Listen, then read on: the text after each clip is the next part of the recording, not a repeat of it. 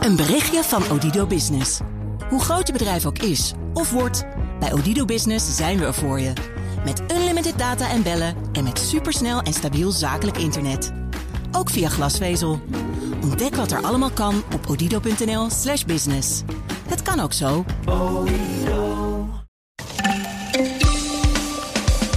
Vandaag is een aantal coronamaatregelen versoepeld.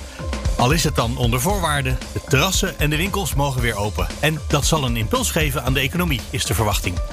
De ZZP'ers blijken dit jaar erg traag met hun belastingaangifte. En dat heeft waarschijnlijk te maken met de steun die ze gekregen hebben, zoals via de TOZO. En het Europees Parlement heeft vandaag bijna unaniem ingestemd met het handelsverdrag met de Britten.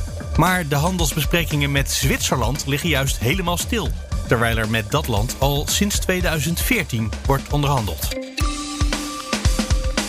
Dit is Nieuwsroom, de dagelijkse podcast van het Financiële Dagblad en BNR Nieuwsradio. Met het nieuws verteld door de journalisten zelf. Ik ben Mark Beekhuis en het is vandaag woensdag 28 april. Ik zei bijna maandag. Het voelt als een maandag, maar het is woensdag. Hallo, Jean Dome van het Financieel Dagblad. Dag Mark, goedemorgen. We gaan twee dingen bespreken. Uh, Er staan er twee stukken van je in de krant. Uh, eentje die uh, misschien hoopvol stemt. En de andere die gewoon rechtstreeks hoopvol stemt. Dus het wordt een op optimistisch gesprek, denk ik. ik het is voor journalisten altijd lastig om alleen over positieve dingen te praten. Maar ik ga mijn best doen. ja, oké. Okay. Dan probeer ik gewoon opgewekte vragen te stellen. Dat is ook heel moeilijk namelijk. Um, het eerste waar we het over gaan hebben is Vandaag beginnen de versoepelingen. En jij hebt een stuk gemaakt. Soepeler coronabeleid, stevige impuls voor economie. Kortom, de crisis is voorbij? Vraagteken. Nou, nog niet helemaal. We kunnen, uh, er zijn diverse cliffhangers. Hè, het hele medische verhaal, de vraag welke varianten nog uh, opduiken, hoe snel dat gaat, welke schade er de komende weken nog wordt aangericht. Of er een variant opduikt die uh, resistent is voor, voor het vaccin. Nou goed, helemaal afgezien daarvan. We zagen natuurlijk al dat de Nederlandse economie, terugkijkend naar het afgelopen jaar, um, nou, met kleerscheuren maar met minder kleerscheuren dan we van tevoren dachten. Dus niet met twee, maar met één blauw oog uit deze crisis lijkt te komen. Um, uh, wat je nu ziet is dat uh, met name voor de retail, voor de winkels dus, er belangrijke versoepelingen aankomen.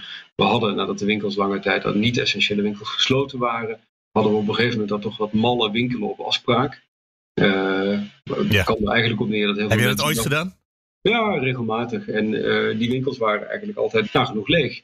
En uh, dat denk toch heel veel mensen dachten van laat maar, dat is ingewikkeld. Dus uh, nu dat er van afgaat, uh, is dat echt een, dat is een serieuze versoepeling en verbetering voor, voor de retail, voor de winkels in de winkelstraat. Belangrijker nog, dat is ook wat de economen die ik sprak vertellen, dan die gedeeltelijke heropening van de terrassen. Want dat is natuurlijk, hè, als het gaat om de horeca, is het eigenlijk heel beperkt. Overdag, nou vandaag schijnt de zon als ik naar buiten kijk, maar voor de plaats waar ik woon is morgen 30 mm regen voorspeld. Dus dat is al meteen een, eh, een koude voor, uh, oh, voor de terraseigenaren. Um, maar dan moet je ook economisch gezien, hè, zeg maar, ja. die horeca, het is natuurlijk, ja, het is maar een deel van het verhaal. Ik bedoel, s'avonds zijn terrassen dan nog, uh, moeten dan weer gesloten zijn. De zaken zelf, dan mag je alleen met een mondkapje doorheen lopen om naar de play te gaan en af te rekenen, geloof ik. Dus dat is toch heel beperkt eigenlijk wat daar gebeurt. Ja. En wat dat betreft is die versoepeling voor de winkels uh, natuurlijk belangrijker. Waar je overigens wel, zoals een van de economen, uh, Frank van Es van de Rabobank terecht opmerkte. Hij zei in die combinatie van terrassen overdag en winkelen, hè, dat is wel, dat schijnt onderdeel van uh, de belevenis van het fun shoppen te zijn. Dat je daarna met al die tassen moe maar voldaan op het terras neerzegt en daar een grote cappuccino bestelt. Ik hoor hier, het schijnt de onderdeel daarvan te zijn. Jij ervaart dat niet zo. nou ja, het, uh, ik kan me dat goed voorstellen. En wat dat betreft kan het dus ook al, dat versterkt natuurlijk ook wel wat daar in die winkelstraat gebeurt. Dat is positief. En dat kan ertoe ja. bijdragen dat uh, inderdaad die economische groei wat uh, sterker wordt nog dit kwartaal.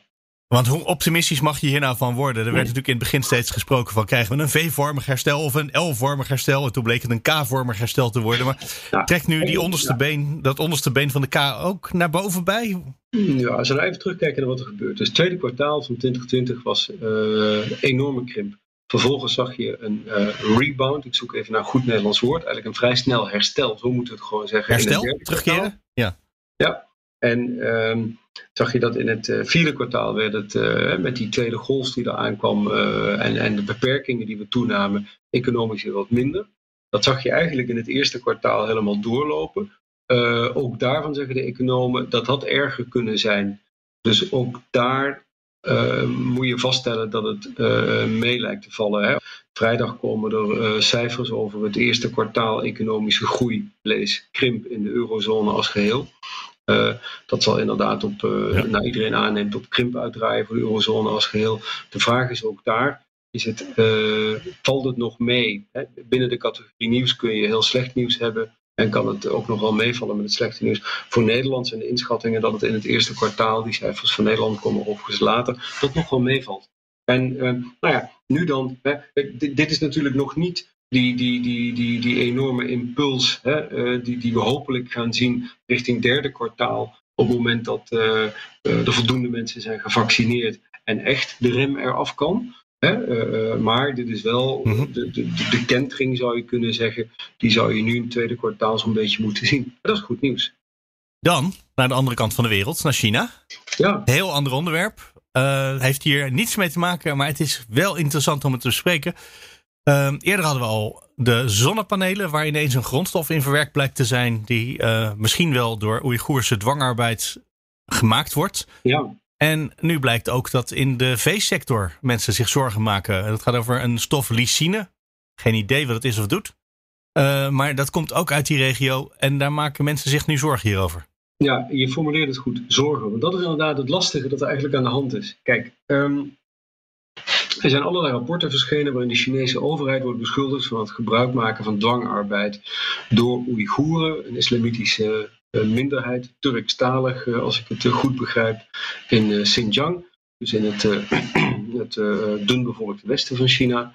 Ehm, en het lastige is, je komt, loopt eigenlijk tegen een paar problemen aan. Het is voor bedrijven heel lastig om na te gaan. Ja, stel dat dat zo is, hoe kan ik nu in kaart brengen of in mijn keten dan misschien gebruik wordt gemaakt van dwangarbeid? Um, dat vinden bedrijven moeilijk. Nou, voor die zonnepanelen zijn er duidelijke aanwijzingen dat dat zo kan zijn. Hè? Dus dat is een, uh, dat, daar was zeg maar een smoking gun uh, gevonden. Um, voor heel veel andere sectoren is dat eigenlijk nog onduidelijk. Dus bedrijven zijn bezig die keten na te gaan. Nou, wat heeft het Financiële Dagblad gedaan? Wij zijn gaan kijken op basis van de cijfers van de douane van uh, China douane van de Volksrepubliek. Wat gaat er nu rechtstreeks vanuit uh, Xinjiang naar Nederland? En dat is eigenlijk niet zoveel, was onze conclusie. Uh, het is een belangrijke grondstoffenleverancier voor China zelf. Er gaat dus heel veel indirect vanuit die provincie naar de rest van de wereld. Denk aan katoen, is daar een mooi voorbeeld van. een groot deel van de Chinese katoen komt uit die provincie. Het is ook heel lastig, uh, heb ik me laten vertellen door mensen die daar veel van weten, om partijen katoen op aarde te vinden. Die worden ook nog vaak vermengd. Hè. Dat is een bulkgoed. Dus daar worden, uh, net zoals je dat bij koffie hebt, dat je bepaalde soorten bonen combineert, wordt bepaalde soorten katoen gecombineerd, heb ik me laten vertellen. Dus het is, uh, in heel veel partijen die de wereld overgaan zit katoen uit, uh, besmet katoen zou je kunnen zeggen, hè, waar het ook uh, wel degelijk mogelijk is dat er gebruik is gemaakt van dwangarbeid. Nou, voor heel veel andere producten is dat moeilijk in kaart te brengen. Dus wij zijn gaan kijken wat komt er in ieder geval direct. vanuit die provincie naar Nederland. En een van die dingen is een, een soort voedingssupplement dat vooral in de diervoederindustrie wordt gebruikt. lysine, een soort aminozuur. En uh, China is de grootste producent daarvan. En Nederland is wereldwijd ook de grootste importeur daarvan. Natuurlijk grote belangen uh, daarin. Hm. En um, nou is het uh, aardige dat die bedrijven, dat vind ik ook heel goed, hè, die, die reageren eigenlijk heel goed. Die zeggen, nou, wij weten het niet, maar we gaan het onderzoeken. We gaan, we, we, aanwijzingen, signalen moet je altijd serieus nemen. Hè. Het feit dat die lysine uit, een deel van de lysine die zij importeren uit Xinjiang komt, wil nog niet automatisch zeggen dat er ook gebruik is gemaakt van, gebruik gemaakt is van dwangarbeid. Dat zou kunnen. Dat hoeft niet, het kan. Nou ja, dat hoort eigenlijk bij, bij maatschappelijk verantwoord ondernemen. Dat je als bedrijf dan zegt: oké, dat, dat signaal pakken we op en dat gaan we uitzoeken. De conclusie zou dus kunnen zijn dat een aantal bedrijven dadelijk zegt: nou, bij ons is dat, uh, onze lysine komt helemaal niet uit uh, Xinjiang, maar uit een andere provincie. Het kan ook zijn dat bedrijven zeggen: nou, voor zover we konden nagaan, is hier geen gebruik gemaakt van dwangarbeid. Dat laatste is trouwens heel lastig om dat echt hard te kunnen maken. Ook omdat je ja, dan moet je dus verder in je keten gaan informeren. De vraag is of alle informatie die je krijgt, of die klopt, of die betrouwbaar is. Ja, want wij zien een probleem wat de Chinezen niet zien natuurlijk. Nee, en hun is de Chinese regering ontkent bij hoog en bij laag. Het kan toch geen kwaad om dat als een soort disclaimer bij elk gesprek hierover nog maar even naar voren te brengen. De Chinese regering zegt: het is niet zo. Uh, er is geen sprake van genocide, zoals jullie in het Westen beweren, en er wordt ook geen gebruik gemaakt van dwangarbeid. Um, hè, overigens, daarover, dat is ook een kwestie van hoe je het uh, labelt, uh, die dwangarbeid. Er zijn bepaalde ehm, ja, schema's, dat is dan een anglicisme vrees ik als ik dat woord gebruik, maar er zijn bepaalde projecten vanuit de Chinese overheid, waarbij in het kader bijvoorbeeld van armoedebestrijding mensen vanuit de ene provincie naar de andere provincie worden gebracht. En dan is het vervolgens de vraag, ja, hoeveel krijgen die mensen eigenlijk betaald? Dus het uh, heeft ook te maken met de definitie van dwangarbeid die je hanteert. Uh, er is een uh, goed rapport van een Australische denktank verschenen, die voor nogal wat westerse bedrijven zijn nagegaan, dat in hun keten wel degelijk bedrijven zitten die gebruik maken van uh, onverantwoord goedkope arbeid van, van Oeigoeren. Nou ja, het is dus, maar je hoort al aan, aan hoe ik dit vertel, is nog knap lastig voor een, een, ja. een Nederlandse veevoederproducent om, dit, om dit even na te gaan. Ja, maar ze zijn wel met z'n drietjes. We hebben drie grote Nederlandse bedrijven in die sector. En die trekken met z'n drieën nu samen op hè, om dit, die nemen de verantwoordelijkheid, gaan het uitzoeken. Ja, voor Farmers, de Heus en uh, Agrifirm ook. Uh, die, die, die, gaan dat, die gaan dat na. En dat is ook het enige wat je kan doen. Dus en hoe gaat dat? Ja, je, je, je, je neemt contact op met je leveranciers. En zegt, hoe zit dat? Dan moet je hopen dat je eerlijke antwoorden krijgt. Kijk, voor een deel is het natuurlijk uh, makkelijker na te gaan. Want um, op het moment dat je kan nagaan waar jouw lysine vandaan komt, of die inderdaad geproduceerd is in Xinjiang, dat is een hele grote uh, fabriek van een een toonaangevend Chinees eh, bedrijf. Maar dan vervolgens zou de vraag zijn, ja, wordt die lysine rechtstreeks ge geëxporteerd naar Nederland of produceren ze meer, maar gaat dat via een overslag in een andere Chinese provincie? Dan wordt het dan misschien gelabeld als lysine die niet uit uh, Xinjiang afkomstig is. Dus ook dat probleem speelt daar weer. Dus het is lastig. Maar goed, nogmaals, het belangrijke is hier denk ik dat je geldt ook voor het Nederlandse bedrijfsleven. Hè, maatschappelijk verantwoord ondernemen staat veel hoger op de agenda dan decennia geleden. Bedrijven zijn daarmee bezig. Vinden het belangrijk dat ze een fair en eerlijk verhaal hebben uh, over uh, de manier waarop ze produceren. En dan is dit heel goed dat ze dit nagaan. Ik ben benieuwd wat eruit komt, maar dat zullen we dus moeten horen. Ja, heel nieuwsgierig. Dat stuk, daar gaan we het vast ook weer over hebben in de podcast. Jean Dome, dankjewel. Ja, en nogmaals dus, uh, ja, wie wil profiteren van het terras, kan dat beter vandaag doen dan morgen. Want zoals ik zei, 30 mm regen. Oh ja, morgen wordt het ook nog koud. Maar de eindiging toch met een uh, sombere toon. Ja, dat zit toch een journalist, hè? Dat, uh... Ik deed dat niet, jij doet dat.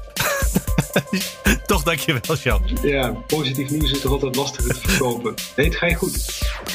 Hallo, Jildau Bijboer. Hallo Mark. Van BNR Nieuwsradio. We gaan het hebben over de belastingaangifte. Het is uh, 28 april vandaag. Bijna 1 mei. Dan uh, moet dat zo'n beetje gedaan zijn. Maar wat blijkt? Dit jaar 8 mei, hè? Is het? Oh, je hebt gelijk. Want dat was in de eerste dagen was de Belastingdienst uh, onbereikbaar. Ja, onbereikbaar. Dus mensen okay. een weekje extra. Nou, dan hebben we nog 10 dagen. Dat is op zich. Dan is het, het allemaal nog niet verloren. En toch, het aantal ZZP'ers wat belastingaangifte gedaan heeft dit jaar ligt echt ongelooflijk laag. Tweederde ja. nog niet.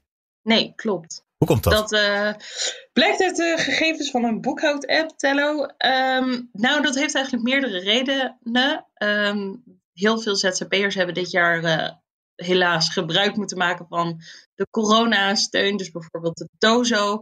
En daardoor is hun belastingaangifte gewoon een stuk lastiger uh, geworden voor veel mensen. Dus het zit opeens anders dan ze in voorgaande jaren gewend zijn. En Um, daardoor stellen ze het voor zich uit. Uh, deels omdat ze gewoon niet weten hoe ze het moeten invullen, maar misschien ook deels omdat mensen bang zijn voor de naheffing uh, die er aan zit te komen in veel. Uiteindelijk blijkt dat heel veel mensen, als je een partner hebt, dat je partner dan wel uh, opeens meer belasting moet gaan betalen over zijn inkomen. Dus dan moet je alsnog veel terug gaan betalen. En daar hadden gewoon heel veel mensen toen ze die dood zo aanvroegen helemaal niet op gerekend. En opeens, uh, als je dat gaat invullen, sta je voor dat uh, voldongen feit. Um, dus heel veel mensen zijn eigenlijk over al dat, die, die dingen die met die coronasteun te maken hebben, heel erg gefrustreerd van ja, maar hoe zit dit nou en uh, hoe kan dit opeens en waarom wist ik dit niet?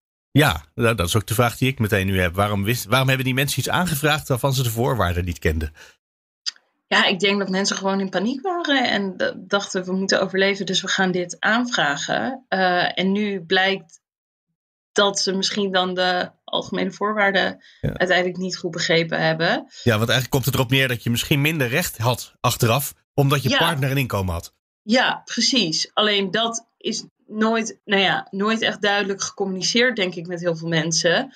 Uh, waardoor ze nu denken van, huh, maar hoe zit dit en waarom wist ik dit niet? En dan komt er ook nog eens bij dat je die toto hebt gekregen van de gemeente. Dus mensen denken dat ze met hun vragen naar de gemeente moeten. Die dan weer zegt, nee, daarvoor moet je bij de Belastingdienst zijn, daar gaan wij niet over.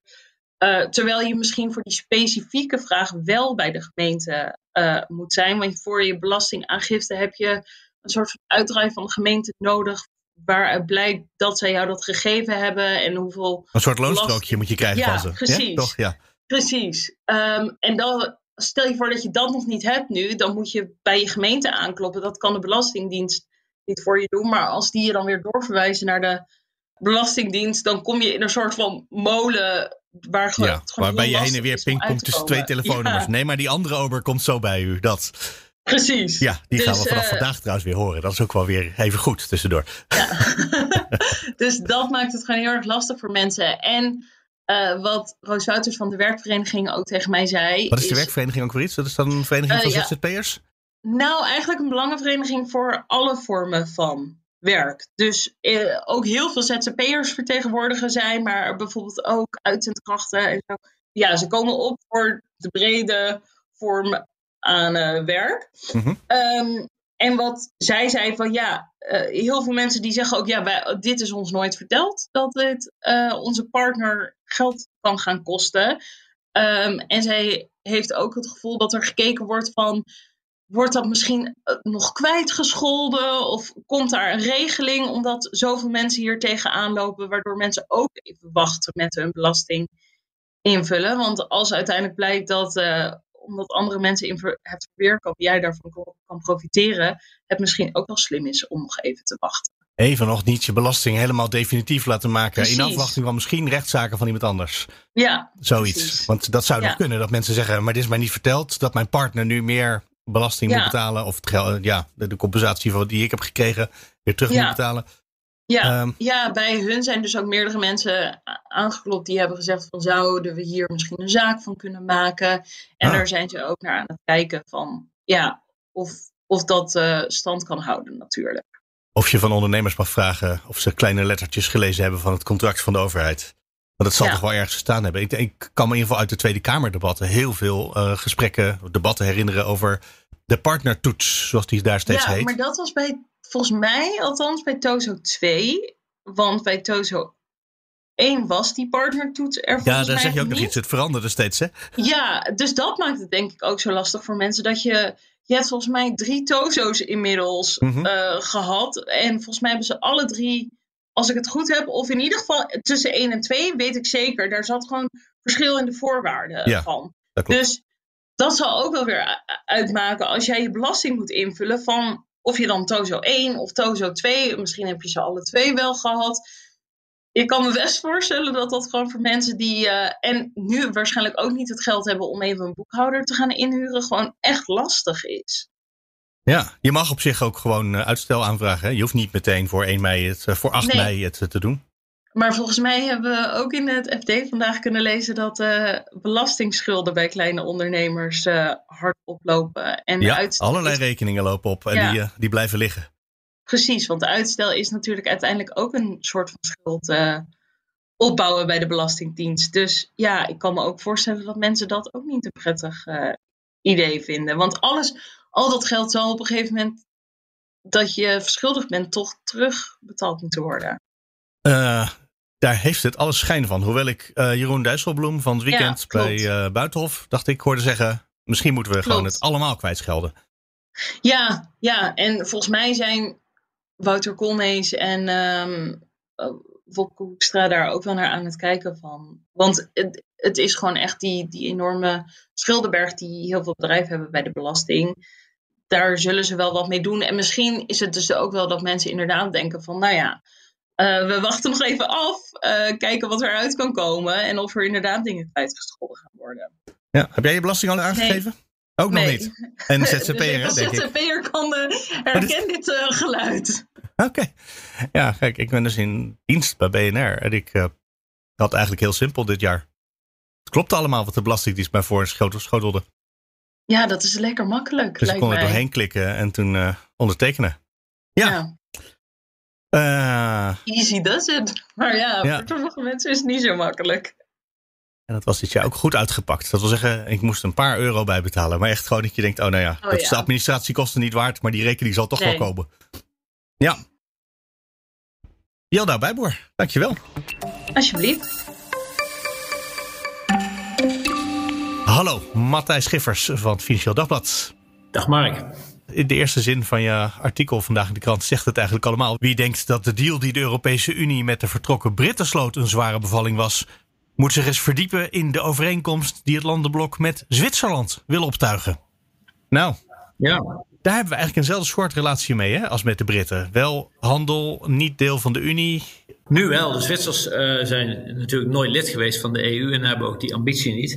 En uh, de Britten waren natuurlijk wel lid en zijn nu geen lid meer. Dus de Britten waren een. Uh, dat, dat zijn de verschillen, maar ze zijn nu allebei buurlanden van de EU. Ja, en met de Britten moest iets nieuws opgetuigd worden. En met de Zwitsers moet nu ook iets nieuws opgetuigd worden, omdat de bestaande afspraken niet meer helemaal naar de zin zijn van de EU. Ehm, en het gaat al net zo moeilijk. Ja, en nog veel moeilijker. Dat gaat misschien wel moeilijker, wou ik net zeggen. Er kwam een heel hard piepje op mijn oor. Ik denk dat je nog een, uh, een sms-bericht of iets uh, binnenkreeg. Nee, ik krijg toch nog berichten binnen via Teams. Ik snap het niet. Ja, zie je wel. Ja. Nou, Teams schijnt uh, ongelooflijk moeilijk uit te zetten zijn. Ja, dat vaker. het is verschrikkelijk. Mensen van Microsoft, maak het leven makkelijker voor mijn collega's. Trouwens, we hebben het nu over Zwitserland. Daar gaan we het ook uitgebreid over hebben. Maar deze ochtend is ook natuurlijk uh, is wel natuurlijk de deal met de Britten nu officieel goedgekeurd. Dus de brexit is echt klaar nu. Nou ja, ja, fase 1. Het eerste stuk van je zin klopt. Het tweede stuk uh, klopt niet. Het eerste, uh, inderdaad, de, het Europese parlement moest de deal ratificeren. En dat, dat was het laatste stapje. Uh, die hebben natuurlijk de, de, stemming daarover een beetje naar achteren geschoven. toen de Britten opeens allerlei afspraken overboord begonnen te zetten. En toen dreigden ze ook van: ja, als het zo moet, dan. het is niet zeker dat wij de boel gaan ratificeren. Maar ja, ja god, weet je, met het Europese parlement wat is plan B? Hè? Je kunt de deal afschieten en waarvan dan, dan is het ook chaos. Dus uiteindelijk hebben ze maar, maar liefst 660 mensen uh, voor en 5 tegen de deal uh, geratificeerd. Ja. Dat is gewoon bijna de Koreaanse uitslagen noemen we dat, hè? Noord-Koreaanse uitslagen. Ja. Uh, maar goed, dat is in ieder geval, die, die hoorde is dat toch maar mooi genomen. Ik zoek ook altijd naar het positieve in het nieuws. Hmm. Maar met de Zwitsers daarentegen. Wanneer zijn onze besprekingen met de Britten begonnen en wanneer zijn ze met de Zwitsers begonnen over het nieuwe verdrag? Ja, de, de, Britten hebben in 2016, juni 2016 gekozen om de EU te verlaten. Hebben toen in maart 2017 een brief gestuurd naar de EU om te zeggen: we gaan er inderdaad uit. Dat zat al een tijdje tussen, hè? dat weten we allemaal nog wel. En toen ging dus die klok lopen van twee jaar. Nou ja, die is ook nog een paar keer verlengd. En uiteindelijk zijn ze dus in uh, januari 2020 uh, vertrokken. Um, en dat is bijna vier jaar, ja? Ja, en in die tussenliggende tijd moest er eerst uh, gesproken worden over de, de Hè? Hoe gaan we dat nu, wat moeten ja. jullie nog betalen en hoe gaan we dat met Noord-Ierland oplossen? En vanaf dat moment kon er gaan onderhandeld worden over de, to toekomstige relatie, ofwel de handelsrelatie. En dat heeft dan uiteindelijk nog niet eens zo lang geduurd als je erover nadenkt. Want ze zijn dan begonnen in februari 2020 en in december 2020, dus net voor de, op, op, op kerstavond, lag er dan een deal die vandaag eh, goedgekeurd is. Dat is eigenlijk een, eh, een record, nou, uh, recorddienst. Maar het is natuurlijk, Vergelijk dat eens met de Zwitsers. Ja, en we hebben, met de Britten lopen nu natuurlijk op dit moment nog steeds een soelbad over de implementatie. Ja, ja, ja. Maar met de Zwitsers uh, wordt sinds 2014 ehm, gesproken ehm, over nieuwe afspraken. En dat leek een deal te zijn in 2018, najaar. Um, maar de Zwitsers die hebben die nooit ondertekend. Want ja, Zwitserland is wat dat betreft ook een, een raar land met een raar politiek systeem. Die hebben altijd een wisselende president, et cetera. In ieder geval, daar heb je ook populistische stromingen. En, en de vakbonden begonnen, begonnen, zich ook te roeren. Bang dat ze waren dat de deur opengezet wordt voor EU-werkers die dan de lonen gaan drukken, et cetera. Dus de regering zei, nou, we gaan dit, dat nu niet ondertekenen. We willen verduidelijking op een aantal punten. Maar nu is gebleken afgelopen vrijdag dat ze die punten waar ze het dan over hebben, vrij personenverkeer moet je aan denken, uh, uh, staatssteun, dus de Zwitsers vallen een beetje buiten de staatssteunregels van de EU, en dat uh, mechanisme om uh, lonen te kunnen beschermen, die willen ze eigenlijk nu gewoon helemaal schrappen uit de deal. En dat is voor de EU echt een stap te ver. Dus nu, zeven jaar na dato, zijn we eigenlijk gewoon weer terug bij af. Het zijn wel toevallig ook dingen die bij de Britten naar voren kwamen. Hè? Dat vrij verkeer van mensen. Dat vonden wij heel interessant. En de Britten een probleem. Uh, staatssteun, uh, nou ja, daar wordt nog steeds over gesteggeld. Hoe dat precies, wanneer het staatssteun wordt. Uh, maar met de Britten hebben we er toch binnen een jaar hebben we daar dingen over afgesproken. Met de Zwitsers zijn we daar sinds 2014 al mee bezig. Ja, nee, de, de parallellen zijn, uh, zijn groot. En tegelijkertijd zijn er ook grote verschillen natuurlijk. Um, Want we hebben natuurlijk wel een deal. Blijft, wat, de oude deal, blijft die gewoon doorlopen? Kijk, het grappige is, er was uh, in de jaren negentig we hebben de Zwitsers overwogen wel degelijk bij de EU te gaan. En uh, dat, dat zou, Zwitsers wordt alles bij referendum besloten, zoals je misschien weet. En uh, in de aanloop daar naartoe uh, zijn er al heel veel bilaterale afspraken op het gebied van handel gemaakt. Meer dan 120. Uh, maar liefst. En dat was dan eigenlijk een beetje in de aanloop naar lidmaatschap. Nou, in 2005 hebben de Zwitsers in een referendum aangegeven dat ze absoluut geen lid willen worden van de, van de EU. En uh, ja, dan zitten we dus nu met die 120 afspraken die eigenlijk een, uh, een, een, tijdelijke oplossing was, maar niet iets waar de EU echt heel erg gelukkig van wordt. Want die moet onder zoveel tijd vernieuwd worden. Dat is werkelijk allemaal. En er zitten ook uitzonderingen, er zitten dus ook dingen in waar de Zwitsers van profiteren ten opzichte van Europese bedrijven. Dus het is niet een blijvende oplossing. En dus moet er nu iets anders komen. Nu duidelijk wordt dat de Zwitsers geen lid willen worden van de EU, zal er iets anders voor moeten komen. En over die afspraken gaat het dus nu, ja. En als, uh, als er geen nieuwe afspraak komt, lopen dan de dingen af? Of uh, gaan, gaat het voor een stu stuk toch gewoon door? Ja, kijk, dat vind ik ook een goede vraag. Want uh, ik dacht ook lange tijd van waar, waar, waar maken die Zwitsers? Die denken natuurlijk het is wel goed. We hebben nu eigenlijk het beste van twee werelden. Wij hebben geen enkele incentive, geen enkele prikkel om hier iets aan te doen. De EU misschien, maar ja, wij niet. Maar uh, een aantal van die afspraken moeten wel om de zoveel tijd vernieuwd worden. Anders lopen ze af. En dat hebben we bijvoorbeeld gezien in, in de zomer van 2009 toen de zogeheten equivalentieregime voor, de, voor de Britse financiële, voor de beurzen zeg maar afliep, waardoor de, hè, dat, dat, dat systeem uh, betekent dat de EU de Britse beurs uh, erkent als een uh, beurs waar, de ja, die, ja. die, op gelijke voet staat met de Europese beurs. En opeens konden aandelen dus over en weer moeilijker verhandeld worden. Uh, in mei loopt een, uh, een, een uh, afspraak af over de erkenning van de medische apparatuur die verkocht worden door de Zwitsers in Europa en omgekeerd. ja, die wordt dan dus ook niet verlengd als dit, dit niet opgelost wordt. Tegelijkertijd schieten de Zwitsers ook terug. Hè. Die, die, die zijn bijvoorbeeld onder, onder de huidige afspraken min of meer verplicht om wat geld over te maken naar de arme regio's in Europa, zogeheten cohesie cohesiefondsen. Ja. Daarvan hebben ze, uh, fondsen, daarvan hebben ze nu gezegd, uh, dat doen we niet meer als er geen nieuwe deal komt. Dus uh, zo wordt dat langzamerhand, de bestaande situatie wordt langzamerhand uitge uitgekleed. Het erodeert, zoals een EU-functionaris dat, uh, dat noemde. Ja, en waar je net uh, Britse aandelenmarkten zei, bedoelde je vaste Zwitserse aandelenmarkten? Want voor de rest ging het allemaal over Zwitsers. Ja, over nee, de equivalentieregeling. Nee, zeker. Nee. Dus er is over in de loop van de tijd ontstaat er langzaam steeds meer prikkels voor de Zwitsers om wel met ons in gesprek te gaan met de Europese Unie. Ja, laat ik zo zeggen, het is niet zonder gevolgen als de Zwitsers blijven treuzelen en niks doen, zeg maar. Dan, dan, dan zal hun relatie met de EU, uh, die nu toch vrij innig is, langzamerhand uitgekleed worden. Want al die, die, die afspraken, die, die, ja, zijn, daar zijn er bij die aflopen op een gegeven moment en die vallen dan dus weg. Ja. Ja. Uh, ja, op zich is dat een, uh, een legitiem standpunt van een land om geen deal met Europa te willen hebben. Het lijkt me alleen als je er zo middenin zit, ja. onhandig. Ja.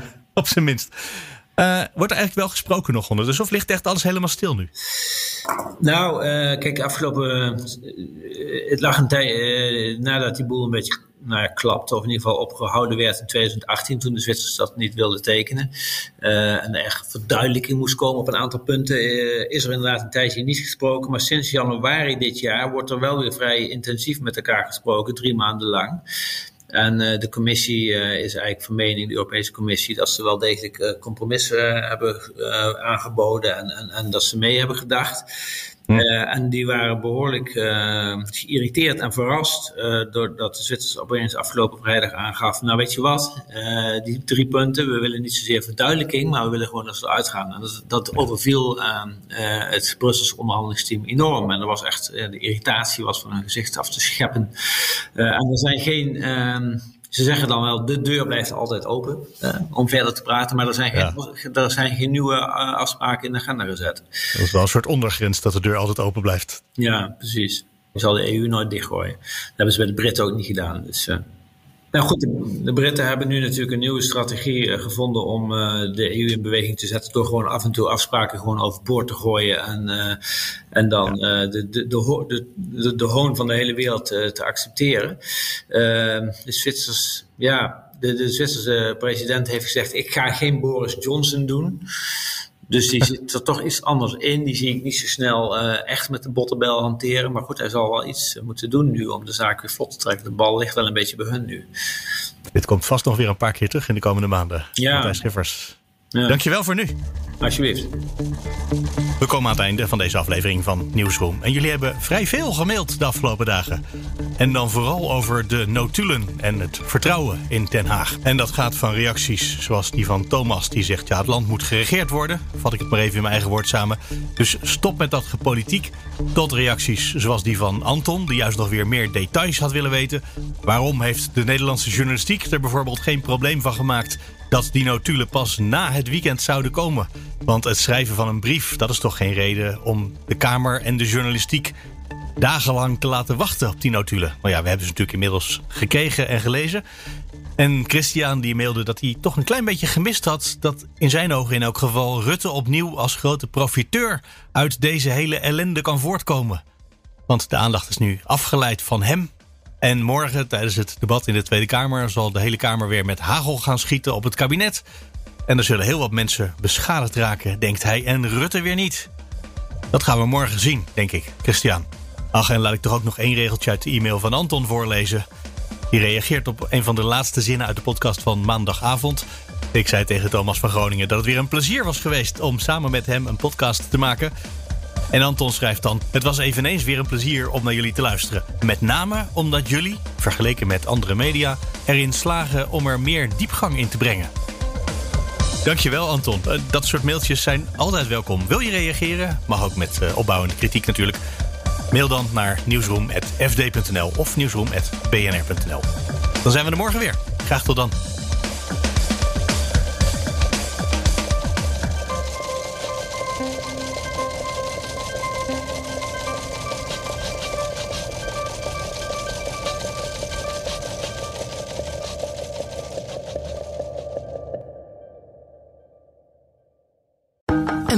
Van Odido Business. Hoe groot je bedrijf ook is of wordt, bij Odido Business zijn we er voor je. Met unlimited data en bellen en met supersnel en stabiel zakelijk internet. Ook via glasvezel. Ontdek wat er allemaal kan op odido.nl/business. Het kan ook zo.